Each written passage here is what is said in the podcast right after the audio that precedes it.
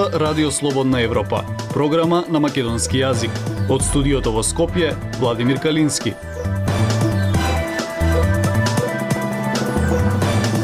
Почитуванија следите емисијата на Радио Слободна Европа. За 31 година независна Македонија не се реализирани клучните капитални инвестиции за подобар животен стандард. Дали калориметрите можат да го решат проблемот со наплатата на парното? Кревкиот буџет ке мора да го издржи планот од 300 милиони евра за справување со енергетската криза, велат експерти. Слушајте на. Државниот врв го одбележа денот на независност 8 септември, оддавајќи почит на поранишните председатели на државата Киро Глигоров и Борис Трајковски во алијата на великаните на градските гробишта Бутел во Скопје.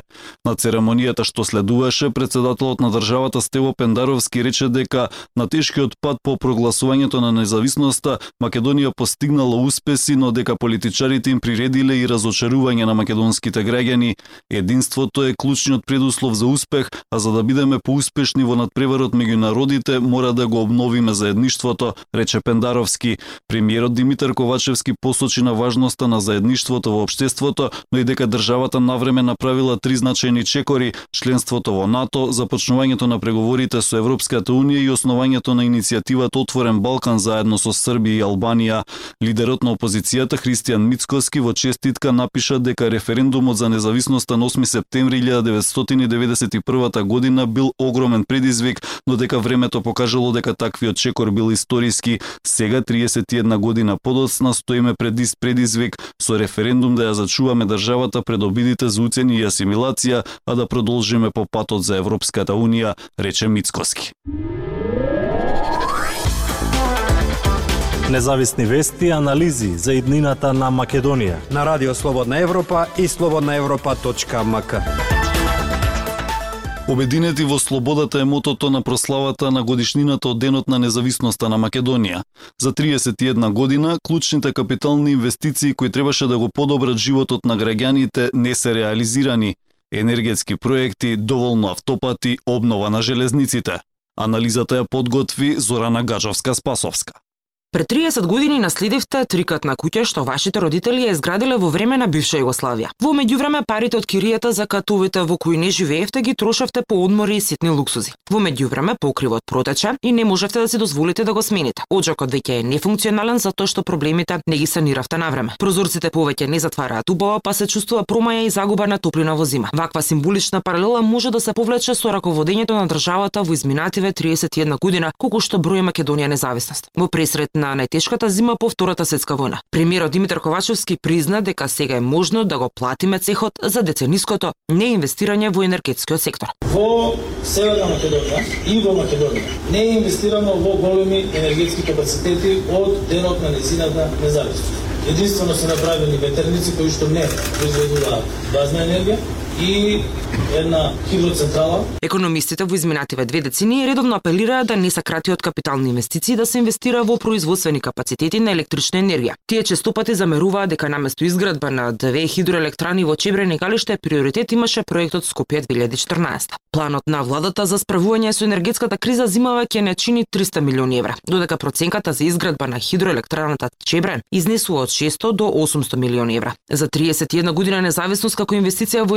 енергетски капацитет може да се вброи само изградбата на хидроцентралата Козјак за која камен темелник се удри во 1994 година, а во 2003 година се пушти во употреба. Другите хидроцентрали се постари, а рек Битола и Тец Усломе се градени во раните 80 од минатиот век. И од тогаш ништо не е пипнато, вели поранешниот министер за финансии Джетат Хайредини, кој го помина работниот век во електростопанство на Македонија. Значи да не беше кризата и растот на цените на енергенски Македонија, кога тога и, и мораше да се соочи со последиците од ова, од тоа занемарување на инвестициите. Енергетиката не е единствената болка кога станува збор за капитални инвестиции. За развој на економијата едно од клучните прашања во изминативе 31 година беа инвестициите во инфраструктура. За овие три децении се изградени неколку регионални патишта, автопатот Димиркапија Смоквица и автопатот Скопје Штип. Главниот туристички бисер Охрид и по 30 години нема квалитетно поврзување со главниот град на државата. Пругата кон Бугарија е проект рекордер во изборните ветувања веќе 30 години. Ако ветувањата кои политичарите ги даваа во изминативе 31 година беа исполнети, македонските граѓани сега ќе се лекуваа во нов клинички центар, но реалноста е дека за една деценија добија само ископана дупка.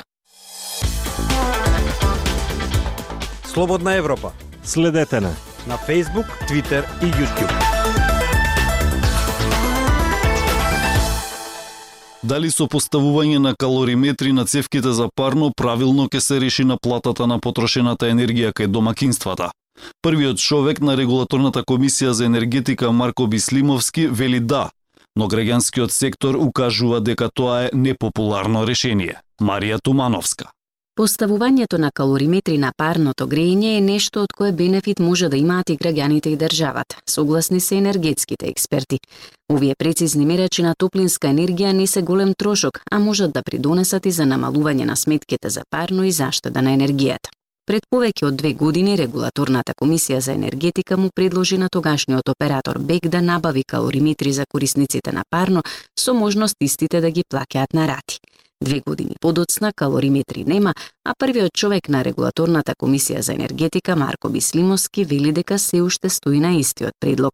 Значи, по тие информации ја што ги имам, има проблеми пред се високата цена на калориметрите, бидејќи калориметрите ќе паднат на товарот на потрошувачите. Опција што ја дадов јас тогаш е операторот на дистрибутивниот систем, кој што мо, треба да ги постави тие калориметри, во име на потрошувачите да набави само каде што има интерес од потрошувачите да се постават калориметри, на тој начин кога се прави голема набавка, цената ќе биде пониска и потоа тој трошок на за калориметри да се подели на на 36 власти на колку било години со цел потрошувачите да не го осетат тој тро, тој трошок како некој голем трошок.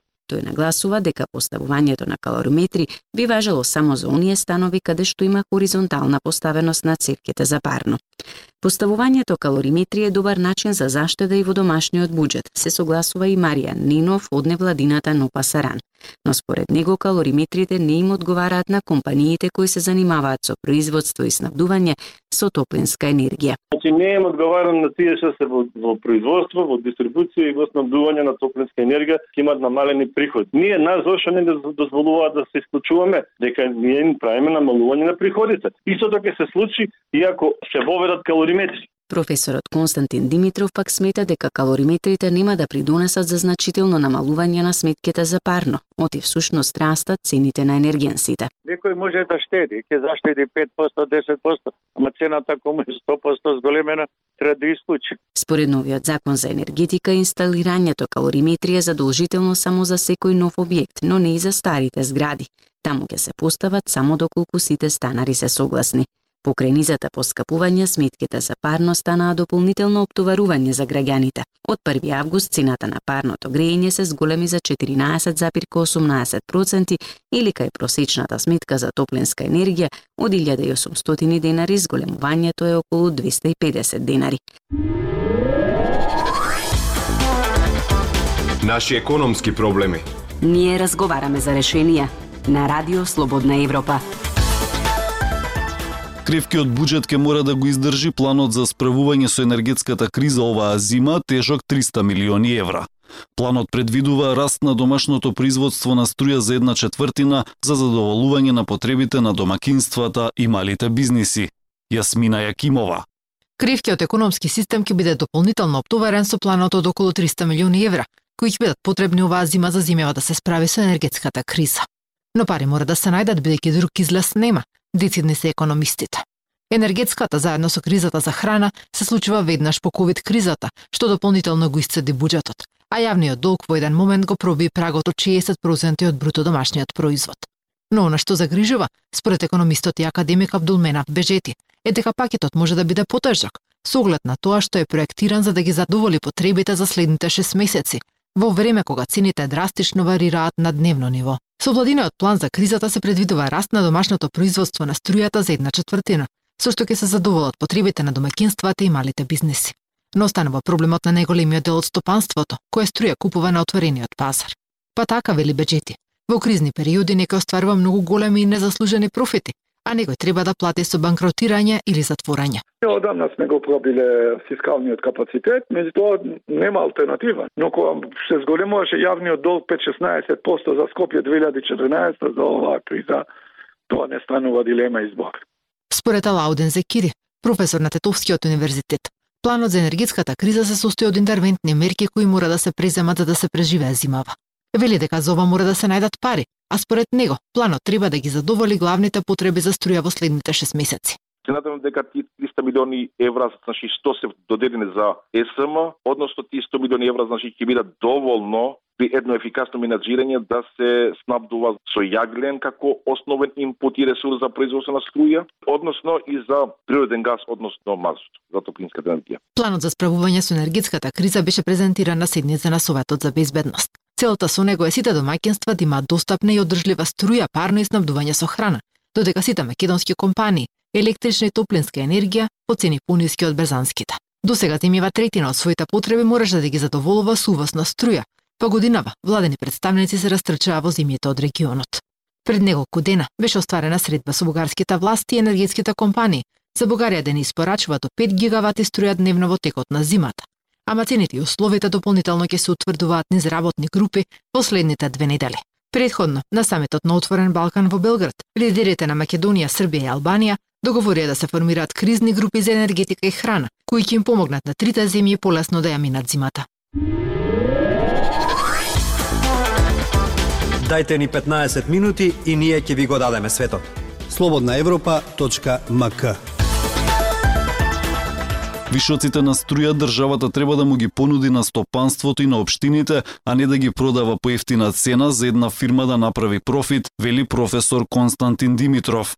Тој додава дека државата продава и струја произведена од хидропотенцијалите наместо да ја штеди. Во продолжение го слушате разговорот со професор Димитров. Господине Димитров, опозицијата деновиве обвинува дека струја купена за пониска цена во Македонија се продава поскапо во Албанија и дека со тоа се оштетени граѓаните во Македонија.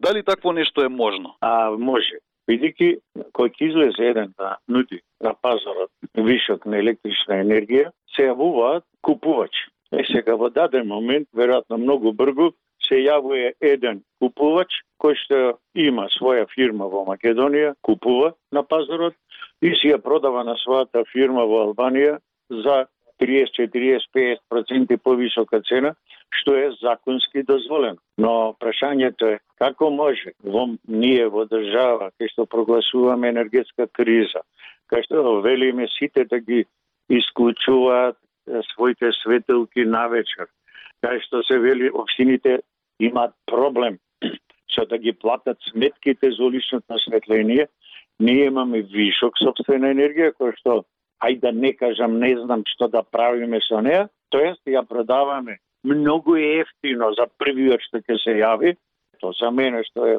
може би исто чудно, е што во ноќните часови, зборам од тие после 22 часот, ние трошиме во тие, барем јас имам увид во двата 20, 30 и 31 август, ние трошиме на ниво по 200 мегават сати електрична енергија, хидроенергија произведуваме, која што ја продаваме.